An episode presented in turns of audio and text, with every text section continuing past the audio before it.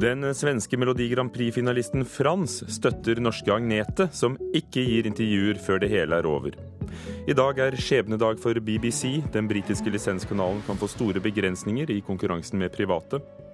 Er det greit å kalle MGP-artist veldreid lekkerbisken og gi terningkast seks med X? Det blir debatt her i Kulturnytt.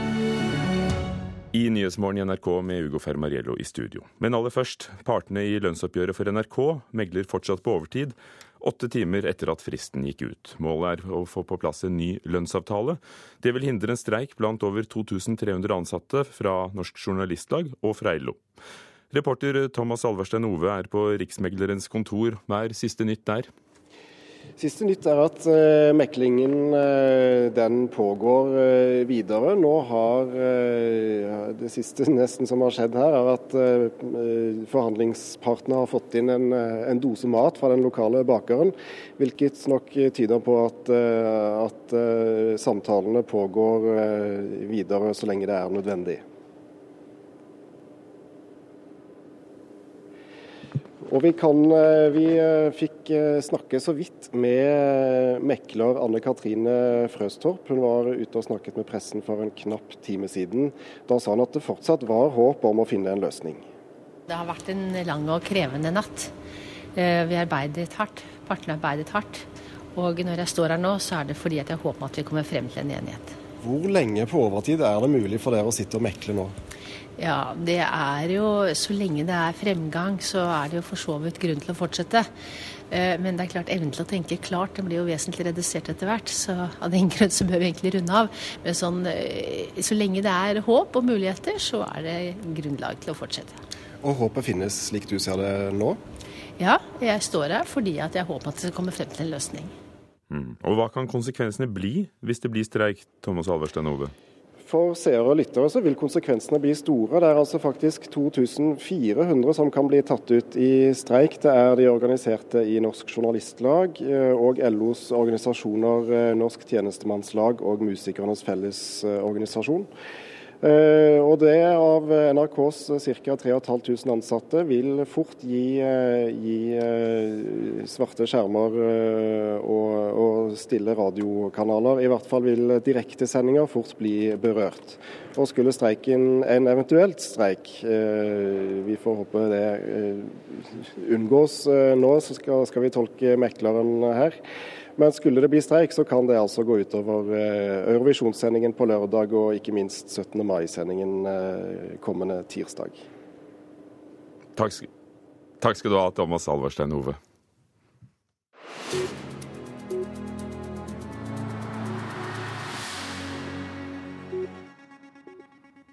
I kveld blir det avgjort om Norge og artisten Agnete kommer til den internasjonale finalen i Eurovisjonens melodikonkurranse, populært kalt Melodi Grand Prix. Agnete gir ingen intervjuer før hun er ferdig med en eventuell finale, i motsetning til sine medkonkurrenter. Hun får støtte fra den svenske deltakeren, som er en av favorittene for mange.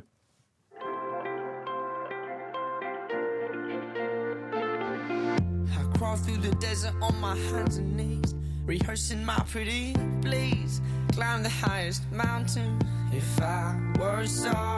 Alltså det är ju, det är ju en speciell grej press i de här sammanhangen för att det är lite publishing, du vet, det är lite så, självklart. En av de store favorittene i Eurovision Song Contest, 17 år gamle Frans fra Sverige, vet godt hvor viktig det er å være synlig i media i disse dager. Men det svenske håpet tror ikke Norges låt 'Icebreaker' har mindre sjanser pga. Agnetes pressenekt. Under hennes omstendigheter, at hun har vært syk og at det kanskje legger på en ekstra stress å holde koll på press, så tror jeg ikke det påvirker henne så mye. Og i slutten av dagen er det jo låten som spiller rolle. Så folk kommer jo se det. Agnete har vært åpen om sin psykiske helse før finalen. Men til tross for disse beskjedene forsikrer MGP-generalen Jan Fredrik Karlsen oss om at Agnete gleder seg. Det er det hun gleder seg aller mest til. Møte sånn som deg. Litt vanskeligere, men stå foran hundrevis av millioner og synge. Topp stemning. Carlsen sier at Agnete har det hektisk, men gøy i dagene før finalen. Vi satt i går og hadde dødskul sånn eh, semifinalefest. Hvor vi satt og så på alle semifinalistene og lo og hadde ballonger og konfetti og hadde masse kule diskusjoner. Og gleda oss veldig til å stå på den scenen. Og hun Du ser bare blikket hennes. Hun elsker det. Og hun var superpositiv og gleda seg, og jeg tenker det er fantastisk. For det er i hvert fall ikke noe hun gruer seg til å gjøre det. Og det er deilig. Er du nervøs for å rykke ut i semien? Altså, eh, Jeg er førstegangsreis i dette sirkuset, eh, men vi satt og så på semifinalen i går, og stemmegivningen begynte da. Da kjente jeg nervene kom. Og da kjente jeg sånn skikkelig, jeg begynte liksom, jeg måtte opp og ned og klarte ikke å sitte stille og sånn. Så jeg kommer til å være nervøs i morgen. Jeg er helt sikker på at vi går videre, men jeg kjente på spenningen i går. Kommer til å være spent i morgen. Det sa Jan Fredrik Karlsen, og så hørte vi også den svenske artisten Frans Jepson Wall. Reporter Daniel Eriksen, du befinner deg i Stockholm og overvar prøven i går kveld. Hvordan gikk det? Det var jo to prøver i går kveld. Den ene litt tidlig, den andre litt sent. Eh, den andre var helt klart viktigst, i og med at det utgjør 50% av resultatet av semifinalen i kveld. Det var litt snakk om at den første prøven ikke var helt der den skulle være. Eh, litt ustø på deler av vokalen. Men andre prøven var mye, mye bedre. Eh, presidenten i den norske Grand Prix-klubben sa at dette er en typisk låt som, som juryen liker, og derfor er sjansene veldig gode for å gå videre i kveld. Og disse prøvene er jo ikke bare prøver, de, de teller, gjør de ikke det? De teller absolutt. Den eh, siste prøven til Agnete i går teller 50% av hennes eh, resultat i semifinalen i kveld. Du har altså ikke fått snakke med, med Agnete Johnsen, men kan du si noe om hvordan det står til med henne? Ja, jeg må nesten bare stole på det folk forteller meg. Eh, men det virker som Magnete er ved godt mot, og en ting jeg er helt sikker på at hun gleder seg veldig til å gå på scenen i kveld. Eh, litt spesielt da hun kom ned i hotellobbyen i går, der, der eh, artistene går litt sånn fram og tilbake, og journalister har fri tilgang. Men da hun kom ned, så trakk journalisten seg litt unna, så hun blir behandlet med veldig respekt. Så jeg tror at hun gleder seg veldig til å gå på den scenen i kveld, rett og slett. Var det noen andre, for dette handler jo altså ikke bare om Norge, men var det noen andre land og artister som imponerte? Det var generelt ganske høyt nivå. Man får litt bakoversveis av å se hvor utrolig stort det sceneshowet som kommer til å foregå på den scenen, er. Eh, men eh, artisten fra i Australia, eh, Dami Im, med låta 'Sound of Silence', imponerte meg veldig i går med en ekstremt sterk stemme. Og en låt som ligner litt på noe det norske bandet High Kite kunne laga. Så hun blir nok sterk i finalen. Takk skal du ha, Daniel Eriksen i Stockholm. Det kan bli store omveltninger og nye tider for BBC. I dag skal den britiske kulturministeren John Whittingdale legge frem et forslag til nye betingelser for allmennkringkasteren. Mange tror det blir de største endringene noensinne for selskapet, med bl.a. begrensninger på hvor mye BBC kan konkurrere med private. Førstelektor ved Universitetet i Agder og Storbritannia-kjenner Jan Erik Mustad. Hvorfor vil den britiske regjeringen stramme inn for BBC? Og Det er mange grunner til det. En del av disse endringene har vært varsla lenge. Eh, BBC har eh, hatt, og har til dels enda, veldig tung organisasjonsstruktur. Det har foregått ting i BBC som eh, vi har sett komme frem i allmennheten for ikke så mange årene siden, og, og egentlig fram helt til dags dato. Så det har vært Hvilke ting? Hva sa du? Hvilke ting? Nei, Dette har jo med disse overgrepssakene å gjøre. Det har jo med redaksjonelle lønninger å gjøre. Det har med at en del av disse lønningene er holdt hemmelige for allmennheten. Eh, noe som strider litt mot eh, allmennkringkastingsoppdraget. Eh, mellomlederne har brukt sin makt på feil måte overfor redaksjoner. Og det har avstedkommet en del kritikk fra politisk hold. Og det er jo fordi at man, man har mista litt oversikten rett og slett over hvordan denne store, tunge organisasjonen organisasjonen har vært drevet. Det er mange direktører som har kommet og gått, eh, og dermed så har det vært varsla lenge at politikerne ønsker å ha litt mer kontroll over situasjonen. En kommentator i The Guardian konkluderte nylig at regjeringen forsøker å kvitte seg med BBC ved å gjøre det så, så gørrende kjedelig at ingen gidder å, å, å verken se eller lytte til dem. BBC er et veldig stort, tungt, symbolsk eh, mediehus i hele verden. Eh, NRK eh, skuler jo ofte til BBC hvis det skulle være noe eh, de, de, ønsker å kopiere. Eh, BBC World Service har en stor og høy standing rundt forbi i verden. Eh, dermed så ønsker de britiske politikerne å gjøre etter eller annet, sånn at BBC fremstår som en allmennkringkaster med større kontroll.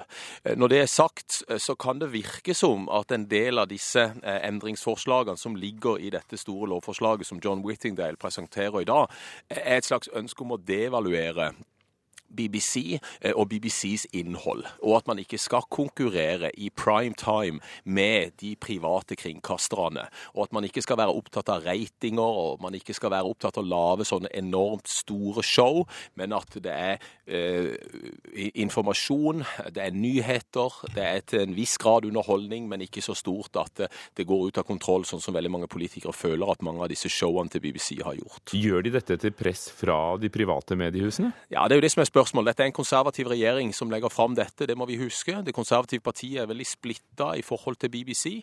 Ehm, de som, de som, sitter i regjeringen, mener da at eh, de vil eh, fremme konkurranseevnen, og at BBC konkurrerer på eh, gale vilkår pga. at de er en allmennkringkaster med lisensinntekter. Eh, denne debatten har vi jo hatt i Norge. Det, det, det ser vi også har, har pågått i, i, Storbritannia lenge og i andre europeiske land.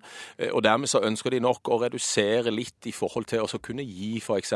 private kringkastere mer rom eh, for å utvikle programkonsepter, spesielt på de på de områdene hvor, hvor, de private er sterke, og at BBC skal konsentrere seg om andre ting.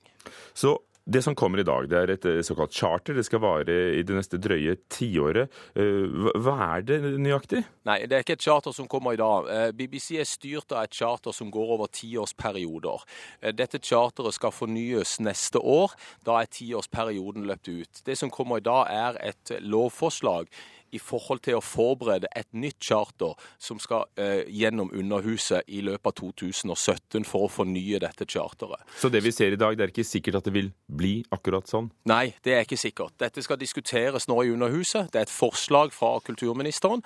Og så får en se hvordan Underhuset reagerer på det, og se hvordan da eventuelt dette nye charteret blir for den neste tiårsperioden i 2017. Takk. Jan Erik Mustad, førstelektor ved Universitetet i Agder og en kløpper på alt fra Storbritannia. Kvart over åtte er klokken akkurat. Du hører på Kulturnytt i Nyhetsmorgen i NRK. Økt bruk av private helsevikarer i kommunene de siste årene er feil bruk av penger, mener Sykepleierforbundet. Legemiddelverket er bekymret over at studenter misbruker ADHD-medisiner. Brasil venter i spenning, presidentens skjebne avgjøres i dag. Og en dansk krim med store spørsmål og norske nøkkelpersoner er blitt en god film. Einar Gullvåg Staalesen anmelder 'Flaskepost fra P' senere her i Kulturnytt. Det skal handle mer om Melodi Grand Prix. Dagbladets anmeldelse og kommentar etter tirsdagens delfinale i Eurovisjonens melodikonkurranse har fått flere til å reagere negativt. Til og med Dagbladet selv har gjort narr av anmeldelsen på lederplass. Mine vellystige hormoner løper løpsk. Ser man forbi en veldreid lekkerbisken, er dette en uhyre solid MGP-låt fra langt vekk i stanlandet, skrev avisens kommentator.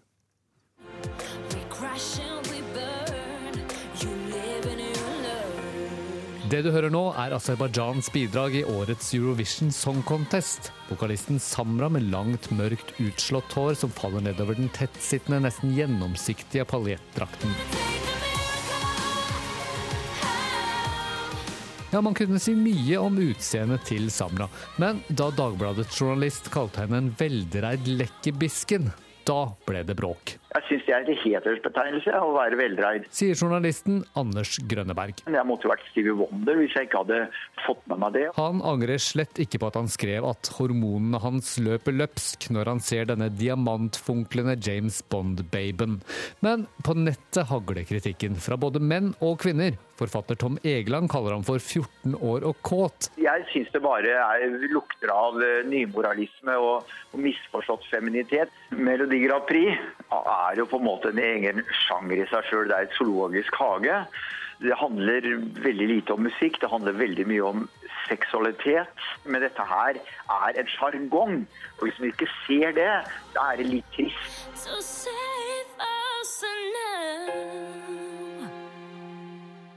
Samra helt til slutt, og før det var det altså Dagbladets anmelder Anders Grønneberg som snakket, til vår reporter Petter Sommer. Veslemøy Østrem, avdelingsleder i Aftenposten, er blant eh, de som har reagert på denne kommentaren og anmeldelsen som sto på trykk tidligere i uken. Hva var det som fikk deg til å tenne? Nei, jeg syns dette er en form for musikkjournalistikk som jeg hadde håpa vi var ferdig med. Det er platt, det er sexistisk, og hvis det var ment humoristisk, så syns jeg ikke det er særlig vellykka. Grønneberg han gjør, eh, gjør, de kvinnelige artistene til objekter, det er jo en velkjent strategi, og ikke kunstneriske aktører. Og det er ikke første gang han har fått boltre seg på den måten. Mener du at han uh, gjør det mer med de kvinnelige artistene enn med de mannlige artistene? For dette er jo som man sier en sjanger, det er, det er like mye et show som en melodikonkurranse? Ja, altså Eurovision er et konsept der det er selvfølgelig lov å harselere og være sarkastisk og, og gjøre, gjøre, narr av konseptene. Det er klart det er morsomt. Det er klovneri, det er underholdning, det er kommers og kaos i en salig miks. Men også i Eurovision så jobber artistene seriøst med kunstneriske uttrykket sitt og fortjener å bli tatt på alvor. Og det er klart at uh, man har en tradisjon i musikkjournalistikken på å behandle kvinnelige artister annerledes enn mannlige. Og Derfor så syns jeg man skal være ekstra forsiktig med, med sånne språklige virkemidler artikler som, som faller liksom litt på sin egen uh, urimelighet. Sigrid Hvitsten, kulturredaktør i Dagbladet. Terningkast seks med X og, og veldreid lekkerbisken. Er det greit for dere å ha det på trykk?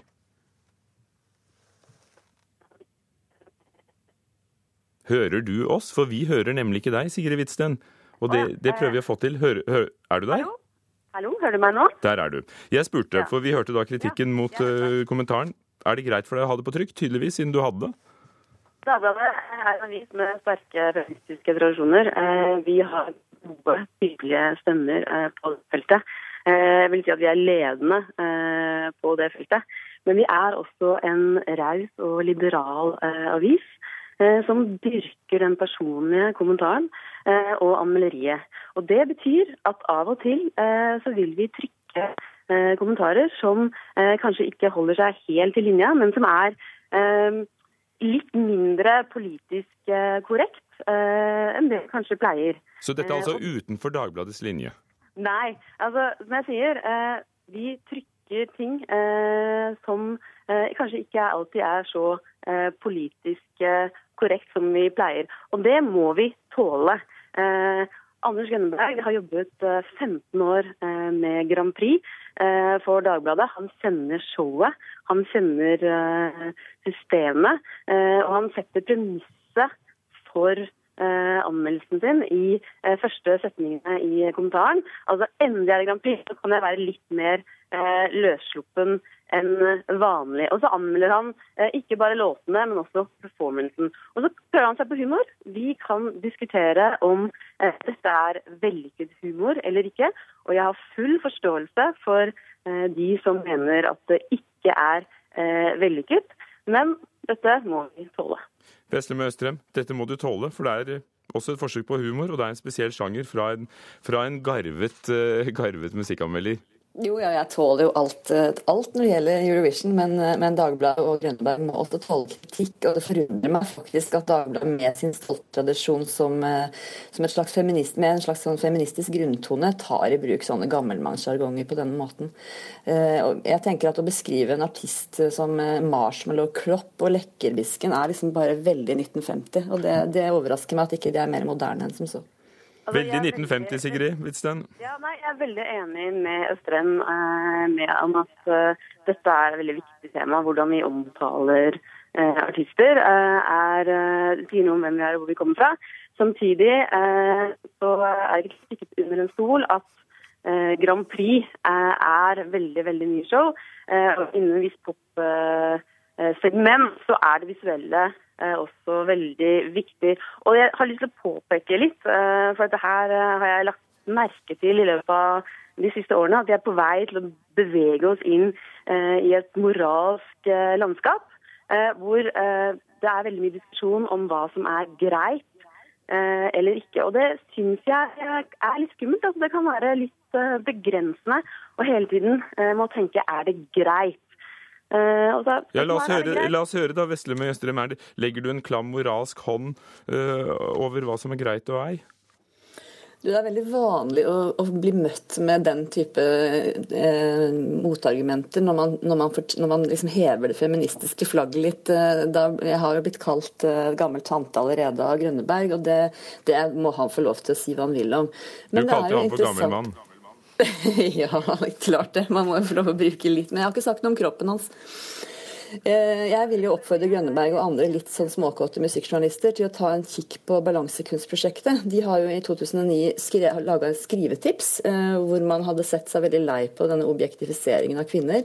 Og Der er det første bud at man må omtale musikken og ikke de ytre attributtene til, til, til menneskene som står på scenen. Men kan det ikke da det... innvendes Vesle Møstrem, at Melodi Grand Prix, eh, Eurovisjonens eh, store show, er et sted hvor Polen bidro i forrige fjor med en slags nærmest mykpornoinnslag. Samra vet jo utmerket godt hva hun gjør når hun står der for Aserbajdsjan og, og, og, viser seg frem. Jo, men hvorfor er det sånn at kvinner som viser hud, spiller på sex? Eh, det er jo en sånn gjentagende myte man har. Man har en kropp når man står på en scene, og man er et menneske med en kropp. Det er klart at det er, det er en, en, en, måte man bruker seg sjøl på på en scene. Og jeg syns fremdeles ikke at det fungerer på den måten Grønneberg opptrer her.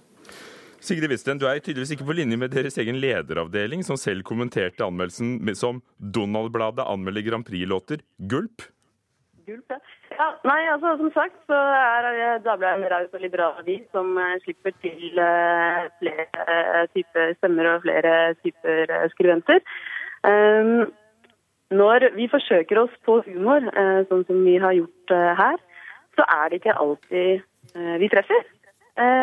og det del Takk skal dere ha. Sigrid Wisten, kulturredaktør i Dagbladet. Veslemøy Østrem, avdelingsleder i Aftenposten, som snakket om anmeldelsen av årets Grand Prix-låter. Least we stole the show. Least we stole the show.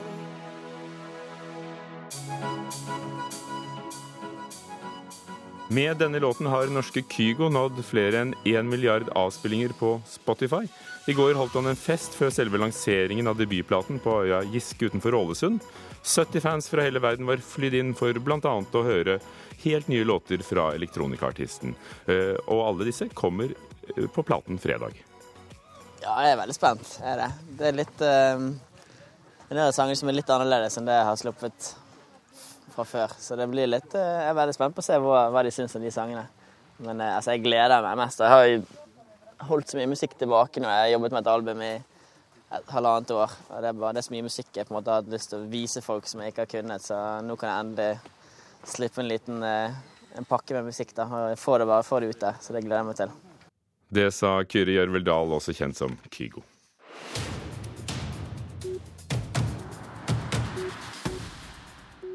Den danske filmen 'Flaskepost fra P' er mye mer enn en krim.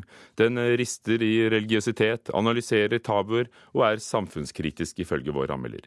Dette er eh, filmen med norske skuespiller, eh, fotograf og ikke minst norsk regissør Hans Petter Moland, som vi møtte i Kulturnytt i går. Vår anmelder er Einar Gullvåg Staalesen.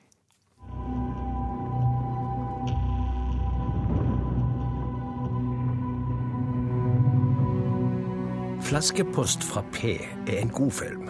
Den er glimrende krim og dyp samfunnsanalyse. Drapene er sauset i religiøsitet. Det er religiøsiteten som gjør situasjonen intense. Pastoren er også djevelens sønn. Han er fra Rogaland. For øvrig foregår sakene i Danmark, sør på Jøland. Hvordan er det mulig at barn bortføres uten at foreldrene melder dem savnet? Det dreier seg om tro og om trusler. Hvis foreldrene sier noe til andre, vil barna deres miste retten til Guds rike. Det verste er selvsagt å miste barna, men det aller verste er at de dør uten å komme til himmelen. Hør oss, din trofaste tjener, din evige tjener, din utvalgte. Filmen skifter fokus gjennom mangfoldige hendelser og temaer. Tidlig i første del er vi i menigheten. Vi opplever en manipulerende kraft i religiøse ritualer. Følelser kontrolleres av andre krefter enn ens egne. Underkastelse er en dramatisk sak. I religiøs forstand er den herlig. I Jehovas vitner markeres det ved voksendåp. Det er sterkt for et barn å oppleve dåp ved neddykking. Filmen studerer ansiktene under vann.